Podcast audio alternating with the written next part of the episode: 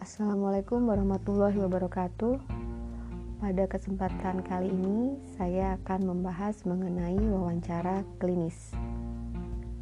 Baik, setelah pengamatan, metode pengumpulan data yang paling banyak digunakan dalam psikologi klinis untuk evaluasi psikologis adalah assessment interview atau wawancara asesmen. Tanpa data wawancara, sebagian besar hasil-hasil tes psikologis itu tidak ada artinya.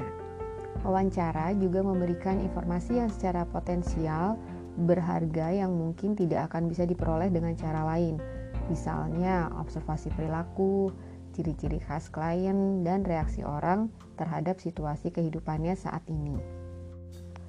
Ada berbagai macam wawancara tergantung pada tujuannya.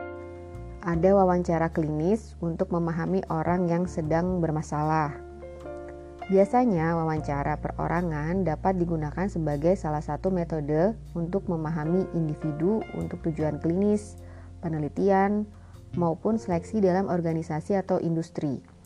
Terutama misalnya untuk anak berkebutuhan khusus, perlu wawancara perilaku dengan tujuan analisis fungsional.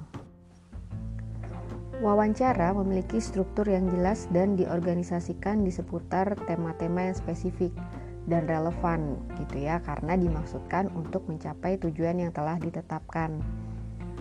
Jadi kadang-kadang wawancara keliru dianggap sebagai sekadar sebuah percakapan biasa. Nah, faktanya wawancara dan percakapan itu berbeda dalam banyak hal.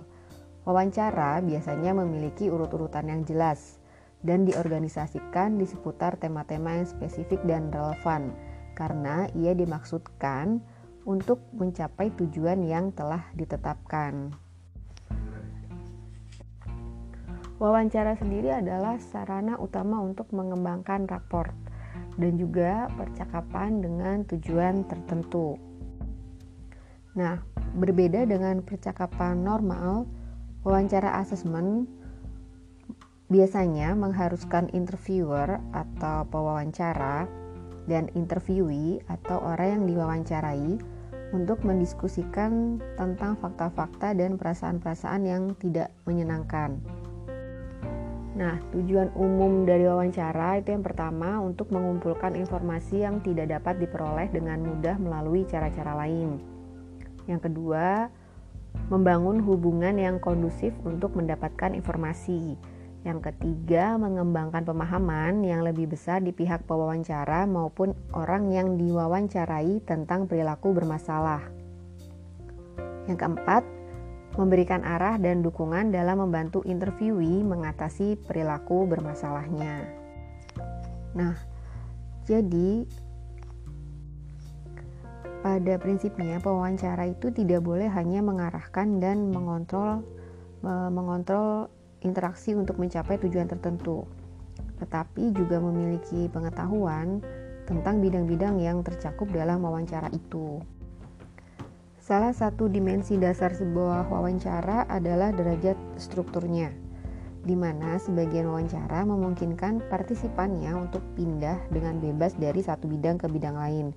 Maksudnya uh, mau dari pembicaraan satu ke pembicaraan yang lain gitu ya. Sementara yang lain sangat direktif dan berorientasi tujuan. Nah, sering kali hal tersebut menggunakan rating dan checklist yang terstruktur.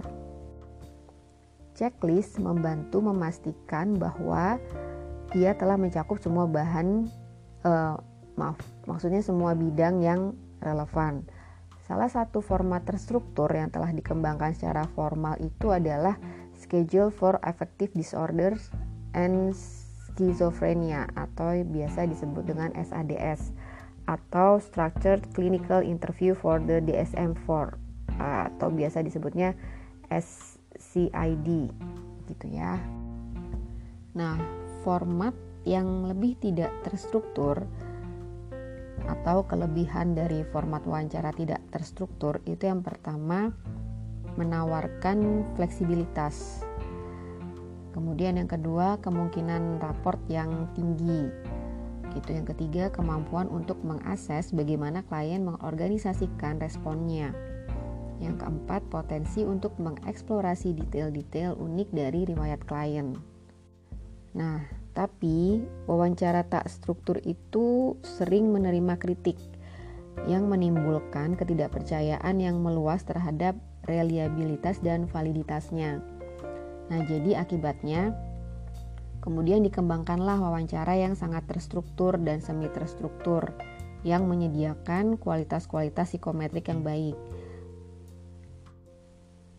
dan memiliki potensi untuk digunakan dalam penelitian serta memiliki kapasitas untuk diadministrasikan oleh personil yang kurang terlatih. Jadi bisa digunakan untuk klinisi atau uh, personel yang bergerak dalam bidang non klinisi gitu ya. Terlepas dari derajat strukturnya, semua wawancara itu pada dasarnya perlu memenuhi beberapa tujuan tertentu. Misalnya mengakses kekuatan, tingkat penyesuaian, dan sifat klien serta riwayat permasalahannya, diagnosis, dan riwayat pribadi atau riwayat keluarga yang relevan gitu ya. Nah, eh, teknik-teknik untuk memenuhi tujuan ini bervariasi dari satu pewawancara ke pewawancara yang lain. Kebanyakan praktisi itu menggunakan paling tidak beberapa bantuan terstruktur, misalnya menggunakan intake forms yang memberikan data identifikasi dan elemen-elemen dasar riwayat klien. Lalu mendapatkan informasi melalui pertanyaan langsung dengan intake forms itu membebaskan klinisi untuk menginvestigasi aspek-aspek lain dari klien dengan lebih fleksibel. Nah, eh, selain itu, klinisi juga bisa menggunakan sebuah checklist untuk membantu memastikan bahwa ia telah mencakup semua bidang yang relevan gitu ya. Nah, klinisi lain terus menggunakan format terstruktur di sepanjang uh, di sebagian besar wawancara dengan menggunakan salah satu wawancara terstruktur gitu. Nah, wawancara terstruktur tadi seperti yang sudah saya jelaskan tadi ada SADS dan uh, eh, SCID Lalu untuk slide yang kelima, ada batasan wawancara. Nah, di sini berbeda dengan percakapan biasa. Wawancara adalah percakapan dengan tujuan tertentu. Intinya itu ya. Dalam percakapan biasa, dua orang atau lebih akan saling memberi informasi. Nah, dalam wawancara ada satu orang atau lebih yang menjadi pencari informasi atau pewawancara dan ada satu orang atau lebih sebagai sumber informasi atau yang diwawancarai. Jadi ada interviewer dan juga interviewee. Gitu ya. Nah, meskipun demikian, interviewee pun boleh menanyakan ke interviewer tentang pertanyaan yang menurutnya kurang jelas. Akan tetapi sebetulnya Sumber informasi itu akan memberikan informasi sebanyak-banyaknya tentang dirinya kepada pewawancara gitu. Hanya saja perlu keterampilan pewawancara untuk mencapai tujuan itu. Jadi interviewee boleh menanyakan kepada interviewer mengenai pertanyaan yang kurang jelas. Dan kemudian data nonverbal itu dapat diperoleh dari pengamatan selama proses wawancara berlangsung. Nah, kemudian semakin berkembangnya hmm, ilmu pengetahuan dan zaman seperti sekarang ini ada yang dilakukan secara online seperti interview online gitu ya.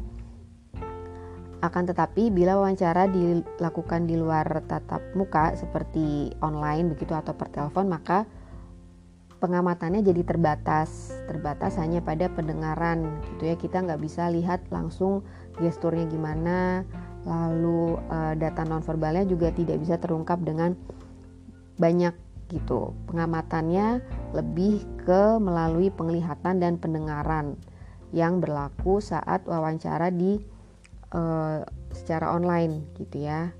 Nah, sehingga ada dialog antara wawancara yang diwawancarai yang harus diamati dengan seksama gitu.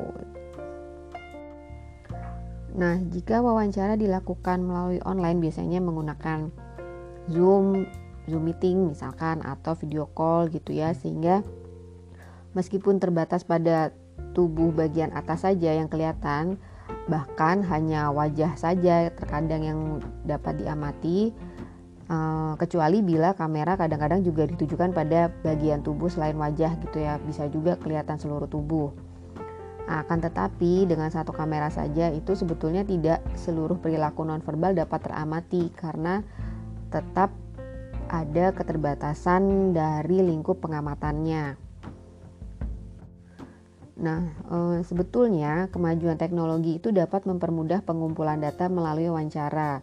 Semua langkah dapat diatur supaya data yang terkumpul e, sangat mendukung data-data yang sebetulnya ingin diungkap gitu ya.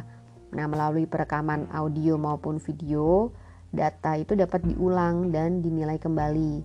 Perekaman hasil wawancara langsung yang ditulis di komputer atau di laptop itu juga e, bisa sangat membantu karena datanya tersimpan dengan baik gitu. Nah, e, selain itu wawancara dapat bersifat terbuka dan tertutup. Wawancara terbuka biasanya digunakan untuk memperoleh data lebih mendalam. Disebut juga wawancara mendalam atau in-depth interview. Dan yang lainnya yaitu wawancara tertutup, biasanya berupa pertanyaan dengan jawaban tertentu dapat juga disebut uh, dapat disebut juga dengan kuesioner gitu ya. Nah, uh, dalam in-depth interview, pertanyaan yang diajukan itu biasanya dimulai dengan kata bagaimana dan mengapa. Meskipun pertanyaan mengapa belum tentu dapat dijawab dengan tepat karena biasanya masih bersifat spekulatif gitu. Untuk itu, perlu adanya keterampilan interviewer saat menggali lagi pernyataan-pernyataan yang masih dapat di digali lagi atau yang pernyataan-pernyataan yang kira-kira masih ambigu gitu ya, masih ditafsirkan secara tersamar gitu bisa diperjelas lagi. Selain itu perlu keterampilan untuk memahami pernyataan yang diungkapkan oleh interviewee atau si pemberi informasi ini sampai tercapai pernyataan yang memang bisa dipertanggungjawabkan yang ajak gitu. Jadi jawabannya nggak berubah-berubah dari si interviewinya nah wawancara mendalam bisa diulangi pada orang yang sama apabila data kualitatif yang dibutuhkan belum terpenuhi atau masih meninggalkan pertanyaan lebih lanjut. Nah jadi sering kali klinisi itu perlu mengulangi lagi pertanyaan yang sama dengan kalimat yang berbeda meskipun isinya sama gitu ya. Selain itu, seorang uh, klinisi atau peneliti akan kembali menanyakan ke narasumber berkali-kali bila data yang terkumpul belum cukup atau belum ajak gitu. Masih perlu digali lagi uh, kemungkinan kemungkinannya untuk supaya datanya bisa lebih terkumpul dengan baik gitu. Nah, lalu wawancara yang tertutup itu biasanya berupa pertanyaan dengan jawaban tertentu. Si interviewinya atau pemberi informasinya tinggal memilih jawaban jawaban mana yang sesuai dengan informasi yang akan diberikannya. Wawancara tertutup itu seperti tadi sudah saya katakan dapat disebut juga sebagai kuesioner. Ada wawancara tertutup yang diwawancarakan dan bila sudah menjadi kuesioner dapat diisi sendiri oleh pemberi informasi. Ada juga pernyataan atau komentar yang ditulis sendiri oleh pemberi informasi di akhir suatu kuesioner. Nah, tapi bila kuesioner diisi sendiri oleh narasumber, tempat yang kosong uh, istilahnya ada uh, tempat yang untuk ngisi kuesionernya itu biasanya jarang diisi gitu. Nah, isian ini akan lebih mengena bila kuesioner diwawancarakan. Jadi semua pertanyaan bisa terjawab dengan baik dan benar. Nah, dengan cara ini, kemungkinan besar sumber data yang akan diberikan memberikan informasi tambahan yang belum ada pada pilihan jawaban di kuesioner. Misalnya seperti tes psikologi yang objektif gitu ya, bukan yang proyektif. Itu wawancara mudah dilaksanakan, tapi sulit dinilai reliabilitasnya.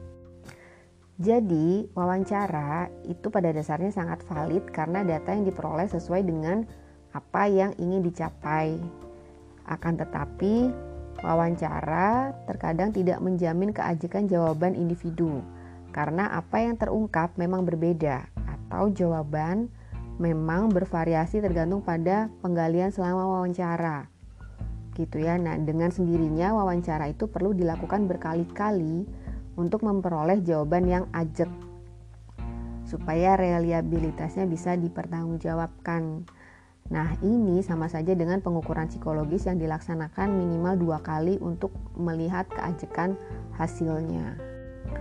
Nah, kemudian selain itu, dalam wawancara itu dibutuhkan keterampilan menggali untuk memperoleh informasi yang berguna tentang diri individu, gitu ya, dan untuk mengambil keputusan bagi suatu kasus. Nah, demikian pula wawancara dapat dilakukan untuk mencocokkan data satu dengan data lainnya terutama bila ada kesenjangan antara pernyataan satu dengan pernyataan lainnya. Lalu kemudian di slide yang keenam ada wawancara klinis. Wawancara klinis adalah salah satu prosedur yang amat penting dalam penilaian diri individu.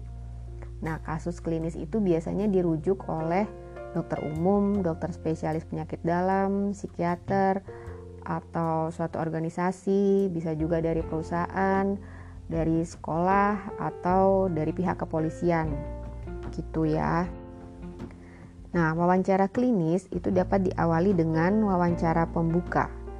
Maksudnya di sini adalah wawancara pembuka untuk memperoleh masukan mengenai kliennya gitu. Jadi mengalui, me, mengenai latar belakang klien gitu ya.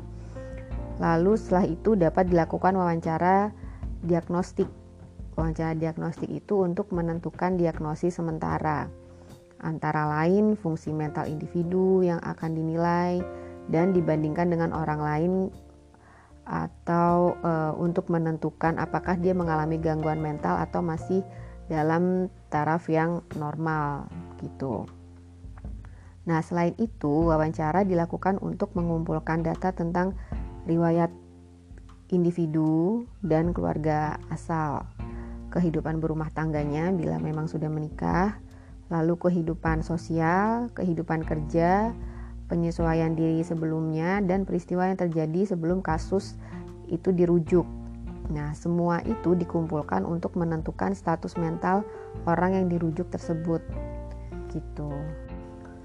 Lalu kemudian Wawancara klinis itu biasanya dilakukan sebelum individu diberikan tes psikologi. Dalam praktek klinis untuk perorangan ya dan dilakukan oleh psikolog klinis sendiri, nah bila wawancara dirasa sudah cukup memadai untuk memahami seorang individu, itu tes psikologi kemungkinan besar tidak perlu diberikan lagi.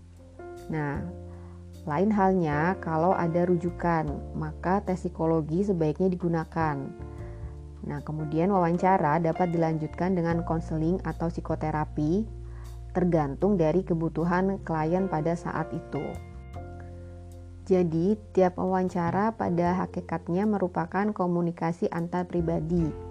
Maksudnya di sini adalah perlu adanya kejelasan dan efektivitas komunikasi.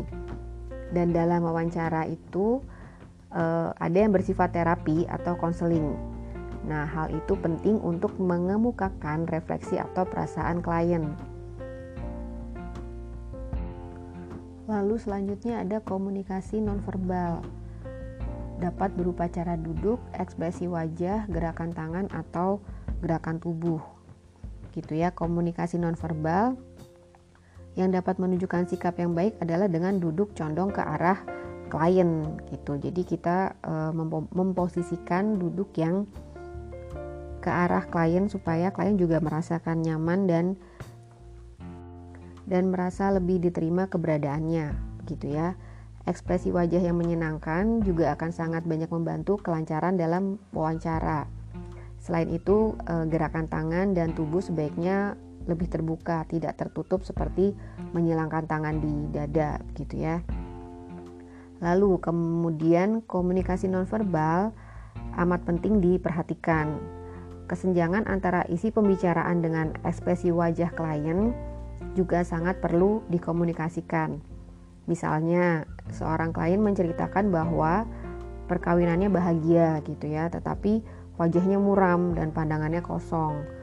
Atau klien bercerita tentang orang tuanya dengan wajah yang masam wajahnya uh, kusut banget gitu ya saat menyatakan bahwa hubungan di antara ayah dan ibunya justru baik-baik saja. Nah, meskipun dalam semua wawancara dibutuhkan kepercayaan yang tinggi, hal ini teramat penting dalam wawancara klinis. Jadi, seseorang yang punya masalah biasanya mengalami kecemasan tinggi. Nah, untuk itu, klinisi perlu membina kepercayaan terlebih dulu sehingga dapat menenangkan kliennya. Kepercayaan yang tinggi juga dapat membuat klien bisa bercerita uh, terus-menerus gitu ya tentang dirinya. Ini juga bisa mengurangi penolakan ataupun terminasi klien yang terlalu awal. Gitu. Jadi semua syarat wawancara itu kurang lebihnya seperti itu. Akan tetapi hmm, ini tergantung lagi dari situasi dan kondisi klien pada saat wawancara. Gitu ya. Kemudian untuk slide yang ke-8, kelebihan dan kekurangan wawancara klinis. Ya, wawancara terstruktur dan tidak terstruktur itu pada dasarnya memungkinkan klinisi untuk meletakkan hasil-hasil tes dalam konteks yang lebih luas dan lebih bermakna. Selain itu, informasi biografis dari wawancara juga dapat digunakan untuk membantu memprediksi perilaku yang akan datang. Nah, apa yang sudah dilakukan seseorang di masa lalu itu adalah panduan yang sempurna untuk apa yang eh, kemungkinan besar akan terus dilakukannya di masa mendatang, gitu ya. Nah, faktor-faktor untuk memprediksi risiko bunuh diri, kesuksesan dalam pekerjaan tertentu, dan prognosis untuk gangguan-gangguan tertentu biasanya itu bisa dilakukan secara paling efektif dengan lebih memperhatikan data biografis dari skor-skor tes yang dilaksanakan. Nah, karena hampir semua tes selalu merupakan situasi yang terstruktur atau tertutup, itu jadi eh, wawancara tak struk, tak terstruktur atau semi terstruktur itu biasanya merupakan satu-satunya waktu selama proses asesmen yang klinisinya dapat mengobservasi klien dalam situasi yang terbuka. Gitu ya. Observasi juga dapat dilakukan tentang bagaimana orang mengorganisasikan responsnya. Lalu kemudian kelebihannya adalah adanya fleksibilitas. Gitu ya. Nah, fleksibilitas ini merupakan um, salah satu keunggulan terkuat dari wawancara tidak terstruktur atau semi terstruktur gitu. Nah, jadi fokus selama wawancara tak terstruktur nyaris lebih berfokus pada diri klien dan bukan pada klien tersebut uh, uh, bagaimana klien tersebut berinteraksi di lingkungannya gitu ya. Nah, beberapa tipe informasi yang dapat diperoleh melalui pendekatan yang lebih fleksibel ini yang dan yang berpusat pada klien itu memungkinkan interviewer untuk bisa lebih memperhatikan faktor-faktor yang khas gitu yang terdapat dalam diri klien. Nah, kemudian dalam situasi-situasi krisis suatu keputusan yang harus relatif cepat diambil bisa jadi tidak praktis untuk mengambil waktu untuk mengadministrasikan dan menginterpretasikan tes. Jadi, uh, wawancara dan alat-alat screening dengan cepat menjadi satu-satunya sarana asesmen. Begitu, jadi uh, tergantung dalam situasinya. Jika dalam situasi kritis dan harus mengambil keputusan yang cepat, bisa jadi wawancara dan alat screening saja yang digunakan sebagai satu-satunya cara atau sarana dalam asesmen. Gitu. Yang terakhir, wawancara memungkinkan klinisi untuk membangun raport dan mendorong klien untuk lebih mengeksplorasi dirinya. Gitu. Jadi jarang terjadi klien mengungkapkan dirinya atau bekerja uh, secara optimal pada tes-tes psikologi gitu ya. Kecuali jika mereka merasakan adanya kepercayaan, keterbukaan dan merasa dirinya dimengerti oleh klinisi gitu. Nah, kemudian kekurangan dari wawancara terstruktur atau semi terstruktur itu adanya bias wawancara akibat proses-proses perseptual dan interaksional seperti halo effect, confirmatory bias dan primacy effect. Lalu yang selanjutnya ada kesulitan membedakan validitas dan reliabilitas antara satu klien dengan klien yang lain. Yang selanjutnya kekurangannya ada biaya yang tinggi. Biaya yang tinggi untuk menggunakan pewawancara telatih untuk studi-studi epidemiologis yang berskala besar. Kemudian untuk yang selanjutnya wawancara terstruktur itu kelebihannya memiliki presisi psikometrik yang lebih tinggi. Lalu hasil wawancara memungkinkan dilakukannya pembandingan antara sebuah kasus dengan kasus lainnya. Ratingnya e, menggunakan rating yang reliable gitu ya, memiliki rating yang reliable. Lalu mengurangi variansi informasi. Yang selanjutnya menggunakan kriteria diagnostik yang konsisten lalu mengurangi kemungkinan hilangnya sebuah diagnosis atau sejumlah simptomologi yang relevan. Nah, karena keunggulan inilah wawancara klinis telah mengalami kemajuan dari hanya digunakan terutama untuk penelitian menjadi digunakan di sebuah uh, di sejumlah lingkup klinis gitu. Namun masalahnya waktu yang dibutuhkan untuk wawancara terstruktur itu um, mengalami perkembangan dan kemajuan gitu ya dengan adanya program-program dengan bantuan komputer yang baru-baru ini dikembangkan menawarkan sebuah metode potensial untuk menangkal kesulitan ini. Nah, selain itu, wawancara yang diadministrasikan melalui komputer itu sebetulnya tujuannya cukup komprehensif dan klien lebih berkemungkinan untuk mengungkap informasi yang sangat sensitif dibanding wawancara yang diadministrasikan klinisi. Jadi klien dapat merasa lebih lebih aman, lebih nyaman gitu karena tidak semuanya bisa terungkap oleh si klinisi. Nah, instrumennya itu seperti um, diagnostic interview schedule dan diagnostic interview for children and adolescents. Nah, itu dirancang untuk diadministrasikan oleh pewawancara awam itu juga bisa digunakan gitu sehingga mengurangi waktu yang diperlukan oleh para klinisi. Kalau wawancara tidak terstruktur atau semi terstruktur itu kan bisa menghabiskan waktu yang banyak kurang lebihnya gitu. Nah, kalau terstruktur itu lebih mempersingkat waktu sebetulnya. Meskipun wawancara terstruktur pada umumnya memiliki properti psikometrik yang lebih tinggi dibandingkan format-format yang tidak terstruktur. Nah, namun mereka cenderung tidak melihat kelainan yang khas gitu dan kelebihan dari seseorang yang diwawancarai.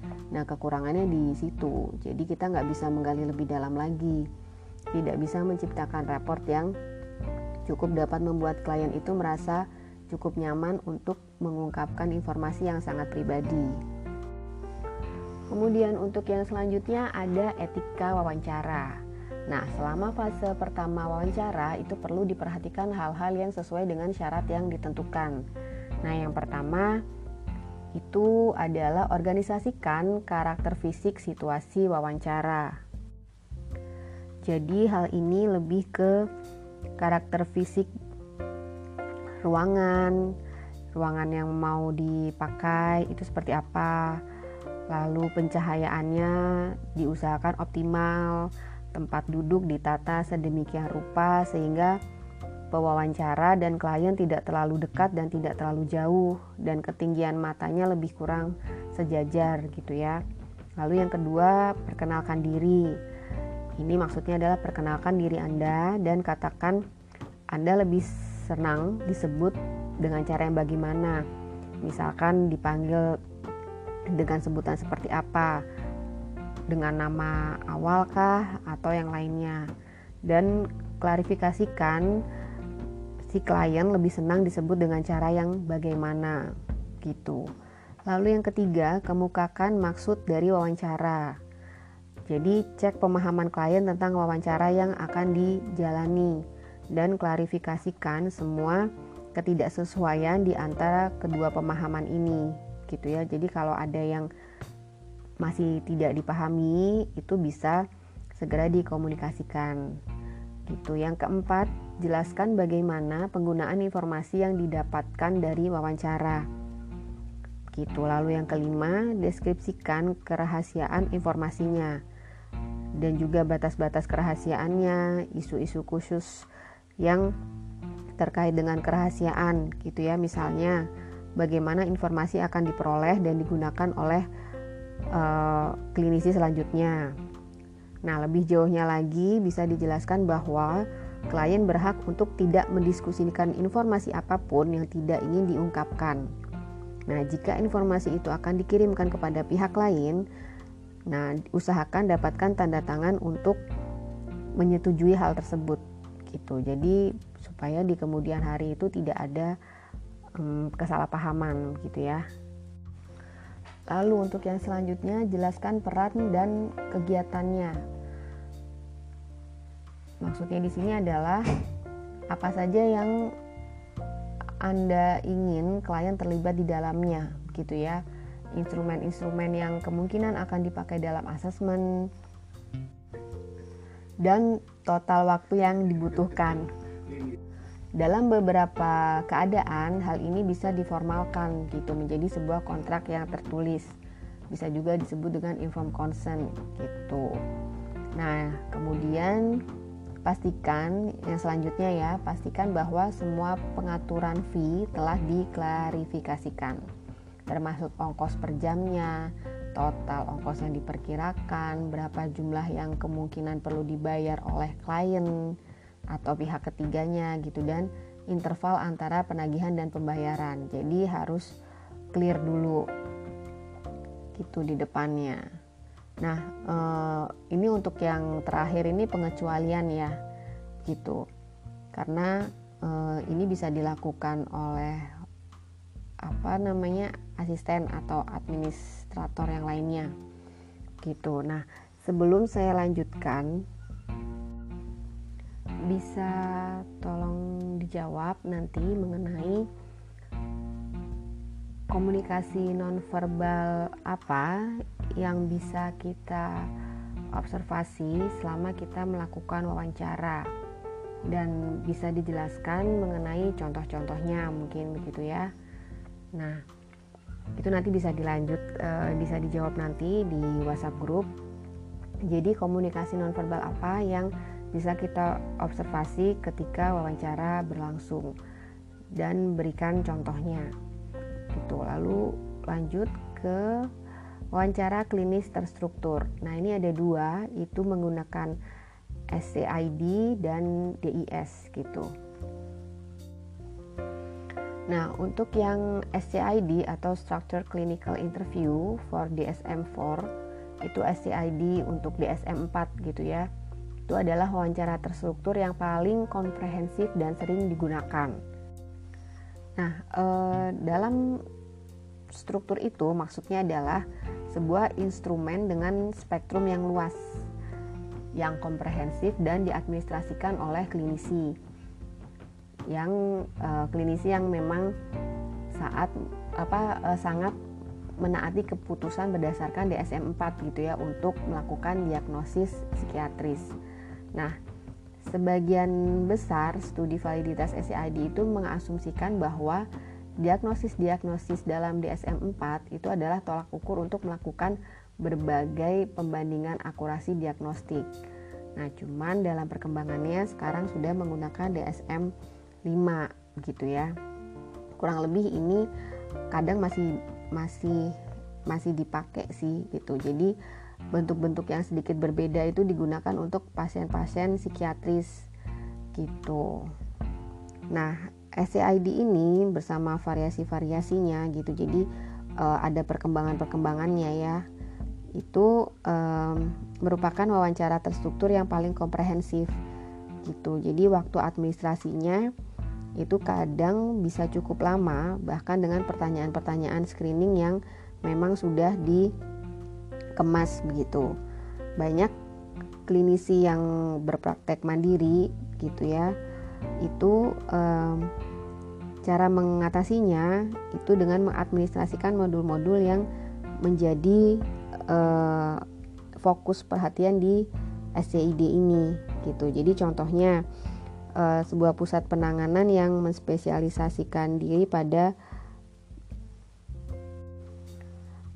pada penyalahgunaan substansi gitu ya. Mungkin mengadministrasikan modul untuk psikoaktif substance use disorder itu bersama SCID 2 nah bila komorbid-komorbidnya gangguan kepribadian itu dicurigai terjadi gitu. Nah waktu administrasi juga bisa dikurangi dengan mengadministrasikan mini SCID yang telah terkomputerisasi.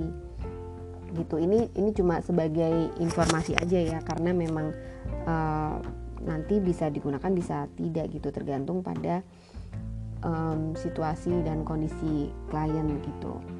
Nah, uh, kemudian DIS atau Diagnostic Interview Schedule itu sangat terstruktur dan dirancang khusus oleh National Institute of Mental Health untuk diadministrasikan oleh pewawancara non profesional untuk studi-studi epidemiologi. Gitu. Jadi ini bisa di digunakan oleh klinisi ataupun non klinisi gitu. Nah, judgement klinisnya dikurangi sampai tingkat minimum dengan menggunakan susunan kata yang uh, lebih lebih bisa dipahami gitu. Secara kata demi katanya, lalu pedomannya juga lebih spesifik dan alur yang jelas dari satu pertanyaan ke pertanyaan berikutnya. Dan jawaban lebih ke jawaban iya atau tidak yang sederhana gitu. Jadi penggunaannya lebih mudah, kurang lebihnya seperti itu. Nah, lalu pertanyaannya selanjutnya, pertanyaan yang kedua gitu ya. Setelah tadi dijelaskan dari awal, e, bisa tolong jelaskan mengenai perbedaan wawancara terstruktur dan wawancara tidak terstruktur. Gitu ya. Jadi pertanyaannya ada dua, yang di tengah tadi dan yang terakhir yang ini. Begitu, sekian penjelasan dari saya. Terima kasih. Wassalamualaikum warahmatullahi wabarakatuh.